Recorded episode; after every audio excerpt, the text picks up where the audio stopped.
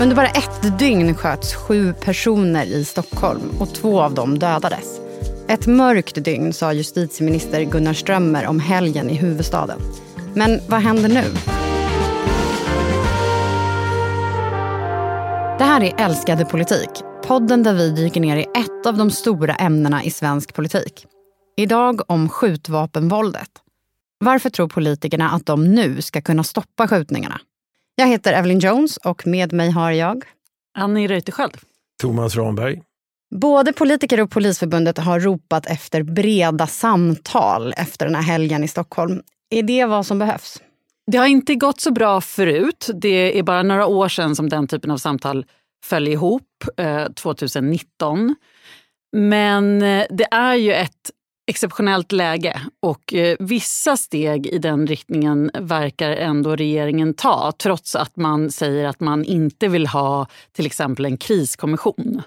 Om man ser Polisförbundets krav på en kriskommission som något lite bredare och djupare samhällssamling eh, än bara att man sätter sig ner och förhandlar med oppositionen i riksdagen Eh, då är det lite svårare för regeringen att vifta undan det där som ett partipåhitt. Så att även om nu justitieminister Gunnar Strömmer har sagt nej till Polisförbundets förslag så skulle jag kunna tänka mig att den här liksom civila samlingen som det finns någon sorts eh, folkligt krav på nu eh, kanske inte har sagt sitt sista ord ändå.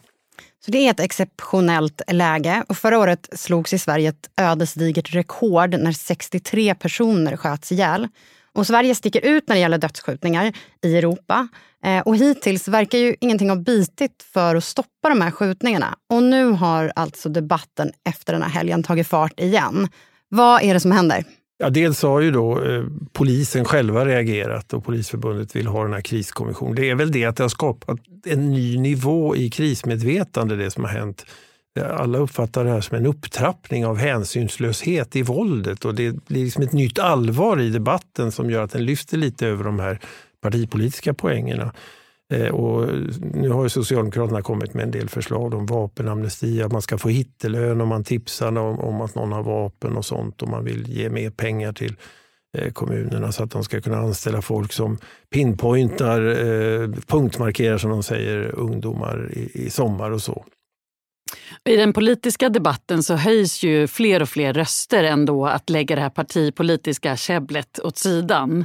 Och det kan nog bli svårt för regeringen att helt ignorera trots att man är en regering som tidigare då har kritiserat Stefan Löfven och eh, den socialdemokratiska regeringen för att vara en kafferepsregering. Ulf Kristersson beskrev dem som posörer som eh, i princip bara är intresserade av kommissioner, långa utredningar, blocköverskridande samtal som bara stjäl tid från det viktiga politiska arbetet.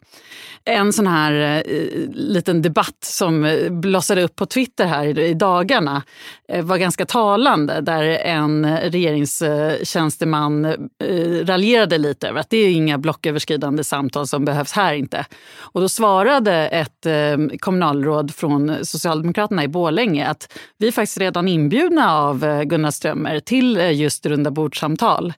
Eh, och det här visar sig var en inbjudan som gick ut redan innan händelserna i Farsta.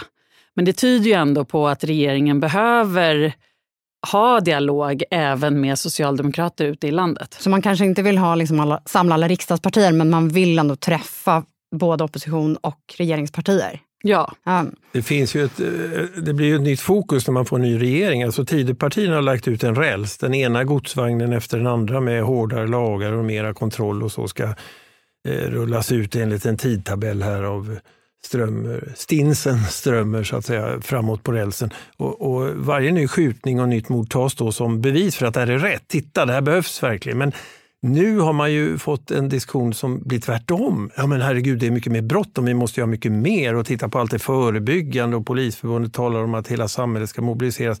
Och då stör det den där tidtabellen som regeringen har sagt. För den här regeringens viktigaste varumärke som Ulf Kristersson gärna odlar, det är ju att vi har handlingskraft, vi har majoritet, vi kan göra vad vi säger att vi ska göra. Och Det är lite så mentalt svårt att ställa om då när samhällsdebatten tar en annan riktning och fokuset hamnar mer på ja, hur gör vi för att förhindra det här nu? Och nu vet vi att ni ska rulla ut alla de där lagarna. Okej, vi är med på det. Men vad gör vi mer? Vi är specialister på det vi gör, precis som du. Därför försäkrar vi på Swedea bara småföretag, som ditt. För oss är små företag alltid större än stora och vår företagsförsäkring anpassar sig helt efter firmans förutsättningar.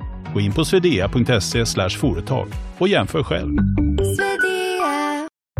Alltså äter du i duschen?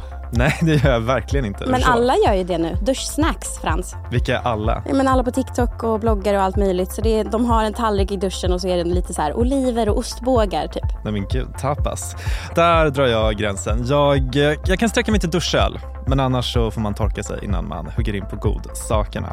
Ja, men lyssna på Nära vänner, en podd med mig Fanny och dig Frans med Expressen. Viktiga nyheter.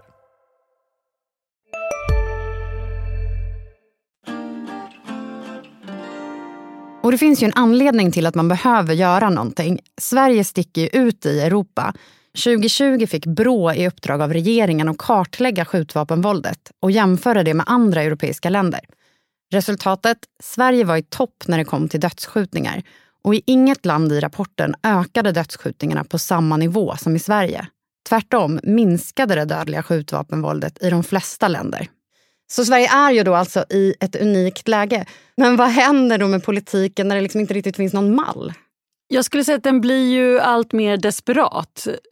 Och vi har hört flera politiker som argumenterar för åtgärder utan att man vet att det har effekt. Man, man säger helt enkelt att ja, men nu eh, måste vi göra någonting och då får vi prova allt. Och det spelar ingen roll att det inte finns bevis för det här.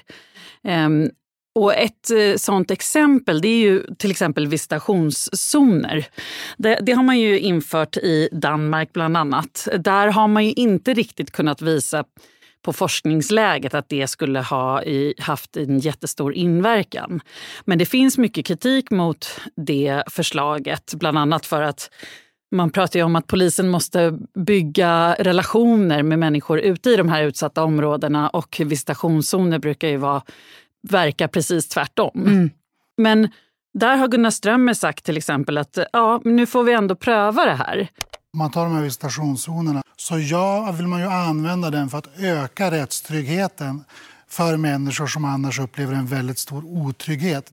Sen finns det risker. Det handlar om personlig integritet, det handlar som de var inne på här i inslaget, att upprätthålla en tillit i systemet. Men där har jag faktiskt väldigt stor tilltro till den svenska polisen.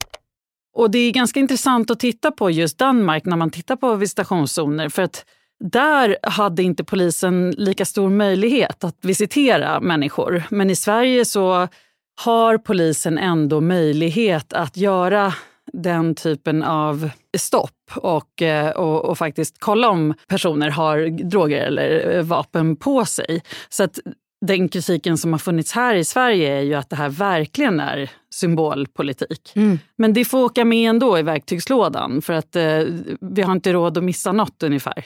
Och just visitationszoner, det är väl en sak där regeringen skiljer sig från oppositionen i vad man vill göra åt det här? Ja, det är ju förvånansvärt få saker. Om man nu lyssnar på den politiska debatten kan man få intryck av att det är en avgrund, men det är förvånansvärt få sakförslag som egentligen skiljer den förra regeringen från den här just när det gäller eh, vad som ska vara straffbart och så vidare. Visitationszoner är en sån, anonyma vittnen är en annan viktig sån. Att mm. sänka straffmyndighetsåldern är en ganska central fråga också förstås som, som skiljer. Men det har väl Socialdemokraterna eh, la ju sig ganska tidigt på en nivå när man re, satt i regeringsställning där man skulle försöka, och, som det heter i politiken, frontförkorta. Alltså man vill ha bort den här konflikten. Man ska inte vara oense med högersidan om det här eftersom så många väljare uppfattade detta som ett oerhört stort problem. Och det är ju också ett stort problem så det var inget konstigt. Man, man valde istället då att göra till sin eh, del av den här debatten där Socialdemokraterna har något att vinna Eh, det som handlar om förebyggande, satsa på social välfärd, jämlikhet, eh, få mera eh, så att säga, trygghet i de här områdena och så vidare. Där tänkte man sig att deras trovärdighet skulle vara lite högre därför att i, i kriminalfrågorna är det ju alltid partierna till höger som har högre trovärdighet hos väljarna när man liksom pratar om straffnivåer och sånt. Men är det här nytt att man liksom har det här fokuset på eh, straff? Ja, det är i alla fall i, i svensk eh, historia sett över flera decennier så har det ju varit en gradvis skärpning mm. eh, av synen på straff och straffseffekt. Där, där kan man säga att eh, så här, urdebatten här, den handlar ju om huruvida straffet är en upprättelse för brottsoffret eh, eller det som motståndare till den synen kallar hämnd, eh, oavsett dess effekt. Eller om straffet eh, ska vara ett sätt att eh, minska brottsligheten och bara ska mätas utifrån vad det har för praktisk effekt. Inte eh, som eh, liksom ett, ett sätt att, för samhället att tala om att det här tycker vi var så dumt så nu ska det ha 20 år. Utan samhället ska försöka eh, minska brottsligheten med hjälp av kriminalpolitiken. Och de två olika synsätten eh, har egentligen historiskt tampats. Det, och, och det här eh, Eh, brottsofferperspektivet att samhället ska utmäta ett straff därför att det är rätt att straffa för det här oavsett vad det får för effekt av brottsligheten. Det brukar vara det konservativa, det brukar vara det högern har. Och det är det som Sverigedemokraterna, Moderaterna och Kristdemokraterna har stått för i den senaste valrörelsen till ganska stor del. Ja, där är det ju en, nästan en, den starkaste ideologiska länken skulle jag säga i Tidöavtalet är ju kriminalpolitiken. Om vi hade alliansregeringen så var ju, det, var ju det arbetslinjen. Men när vi tittar tillbaka på de här åren så tror jag inte att man kommer tänka lika mycket på migrationspolitiken som kriminalpolitiken som det som förde SD och Moderaterna och de andra partierna samman. Eh, det här vi hörde i eh, Kristersson säga i valrörelsen hela tiden att man skulle samarbeta om, om vad man är överens om. Om man frågar sverigedemokrater så är det väldigt många som nämner just kriminalpolitiken som den drivande faktorn. Och det blir ju mer och mer ideologiskt ju färre svar vi har. För även i debatten om straff så finns inga riktiga svar på vad som funkar och inte. Det finns så många olika aspekter av det hela. Och det är ju därför som menar, vi har diskuterat hur, hur det här med elstödet och dieselpriserna, så dåliga vallöften som inte hölls och allt det där. I den här frågan utfärdade ju faktiskt inte högersidan några vallöften av det slaget. Att eh, innan då och då ska vi uppnå det och det. Utan tvärtom så gjorde ju Ulf Kristersson en poäng i valrörelsen av att det här kan bli värre innan det blir bättre.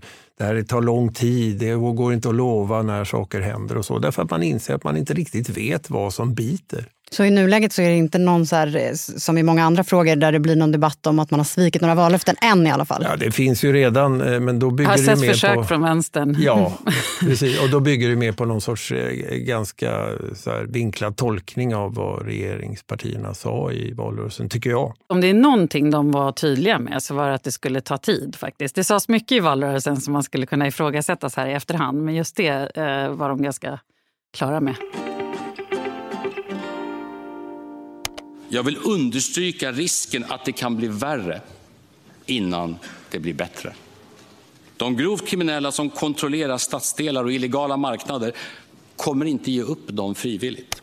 Det kommer ta tid, säger Ulf Kristersson. Och det här är också en utveckling som har pågått under ganska lång tid. Vems fel är det här då? Det finns ju en eh, massa teorier om vems och vilket fenomens fel det är. Men det som har kommit upp i debatten på sistone har ju ofta varit att den och den ska avgå. Mm.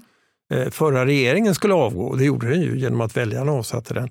Eh, innan dess så tyckte man att justitieminister Morgan Johansson skulle avgå. Det var ju till och med så att mitt i NATO-processen när det var som känsligast att söka stöd hos det där sista mandatet, Amineh Kakabaveh, därför att Turkiet tittade på oss hela tiden, så, så gick eh, högeroppositionen samman och försökte avsätta Morgan Johansson. Och det var just på grund av gängkriminaliteten? Ja, det var ju ett skäl. Alltså man behöver inte formulera hela listan på varför man vill att de ska avgå. Det var ju bland det viktigaste förstås. Eh, så att, och, och, idag så finns det då från framförallt Sverigedemokraternas sida sedan länge ett krav på att eh, rikspolischefen Anders Thornberg ska sparkas. Men inte, om, om det var Morgan Johansson innan, det är inte Strömmer nu? Liksom. Men en anledning att det inte är, finns några sådana krav på honom är att han är så relativt ny ändå. Jag tror att de flesta har förståelse för att, att uh, man inte kan göra en ändring på några månader. Men det, ja, det finns ju heller ingen möjlighet i riksdagen att avsätta någon. Nej, men, eh, men jag menar, det finns ju, det är ju ingen som ens lyfter det. Det finns Nej. ju inte kritik Nej. mot honom på det sättet. Det, det som har räddat eh, Tornberg, eh, det skulle jag säga är att han eh, är den där sista utposten mot det politiska ansvaret. Därför ja. att, låt säga att vi har en myndighet som har fått så mycket resurser och så mycket pengar under många års tid Eh, eh, som har haft andra problem kring sig. Jag menar Lövings död är ju också en skandal runt eh, Anders Thornberg. Eh, och, och, ledaren för den myndigheten inte ifrågasatts när man inte ifrågasätts när man inte uppnår målen, utan tvärtom brottsligheten nu ser ut och våldsbrottsligheten då som, som det stora fokuset är på ser ut att, att bli värre och skruvas upp. Att den personen inte möts av avgångskrav från fler än Sverigedemokraterna det beror ju på att det är liksom utposten mot det politiska ansvaret. Det var Socialdemokraterna som tillsatte Thornberg, för dem är det ingen eh, särskilt rolig grej att dra upp det. Eh, om Strömmer skulle avsätta honom, ja då är det ju Strömmer som blir ansvarig för den här utvecklingen framöver därför att han tillsätter någon då som är, eh, går i hans, på hans uppdrag så att säga.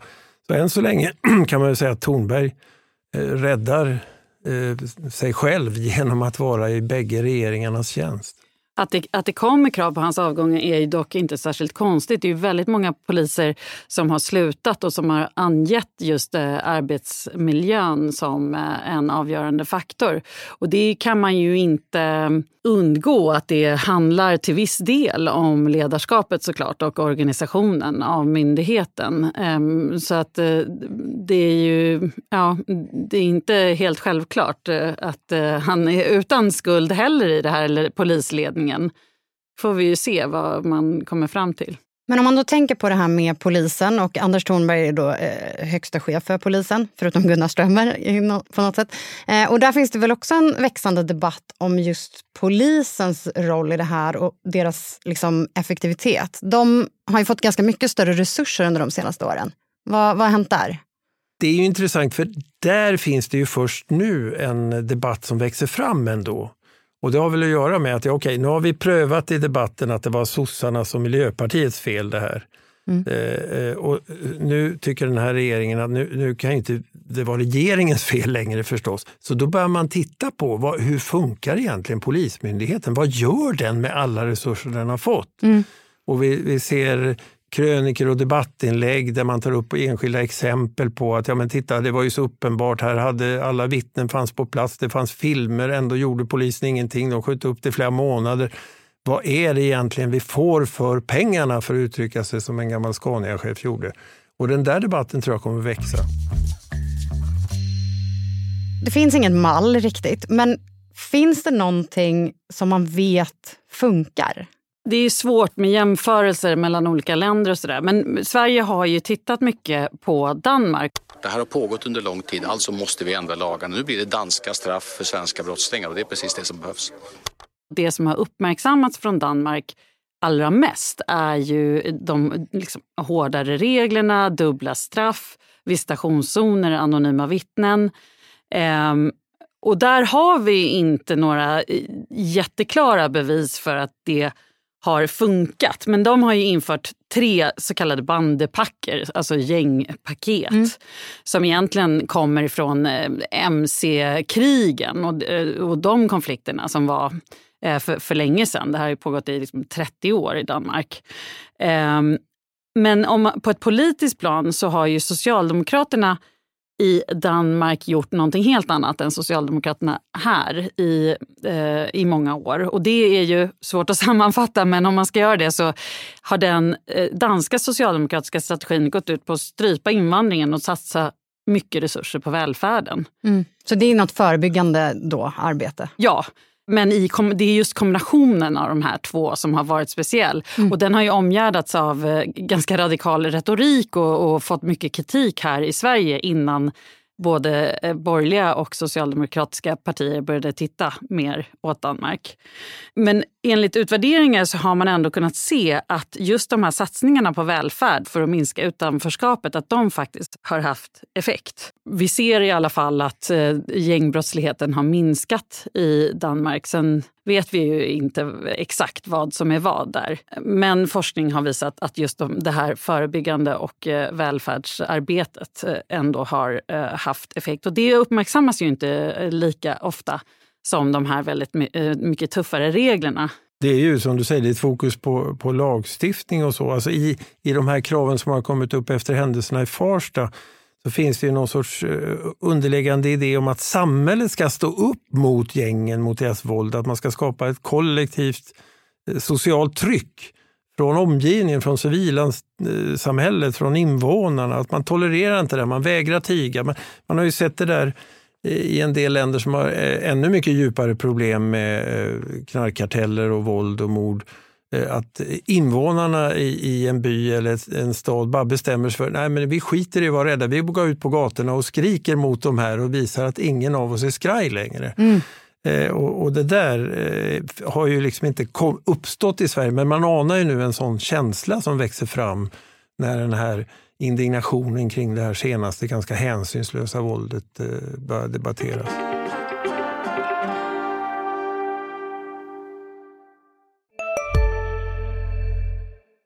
Hej, Synoptik här.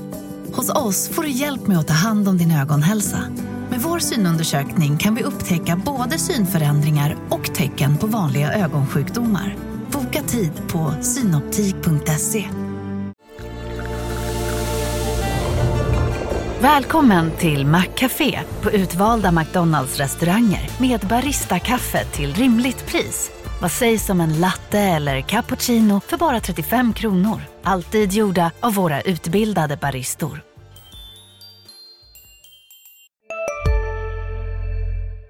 Det kom ju en, för några år sedan så var det ju Malmö som var på tapeten när det kom till eh, skjutvapenvåld. Och där införde de ju ett eh, program som heter Sluta skjut som ju har hållit på i några år som något slags pilotprojekt. Och det kom en utvärdering från Brå också för bara några veckor sedan. Och återigen, precis som du säger med Danmark, så vet man, så, så brasklappar man att vi vet inte om det är det här just som har gjort skillnad.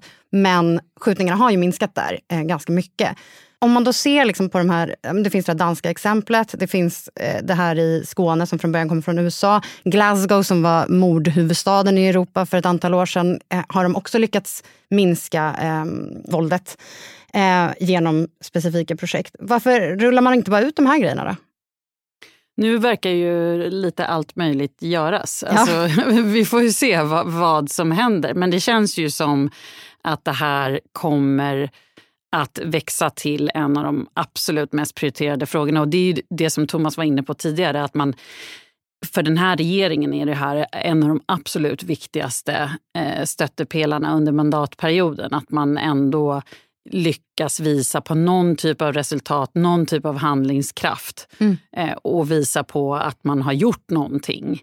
Så eh, de här breda samtalen och, och förstå, överenskommelser över blockgränserna tror jag att vi kommer se mindre av. Och det vet vi ju redan. Det är ju en massa lagstiftning eh, på gång. Jag såg eh, någon som frågade Magdalena Andersson eh, om du skulle ha, för hon vill ju vara med på sådana här breda samtal nu, Ja, accepterar du då att Sverigedemokraterna är med? För det gjorde du ju inte förra gången när du satt i regeringen. Mm. Alltså idag är ju frågan tvärtom. Skulle Sverigedemokraterna eller ens Moderaterna och Kristdemokraterna acceptera att Socialdemokraterna var med i sådana här samtal? Nej, det vill de faktiskt inte just nu. Nej.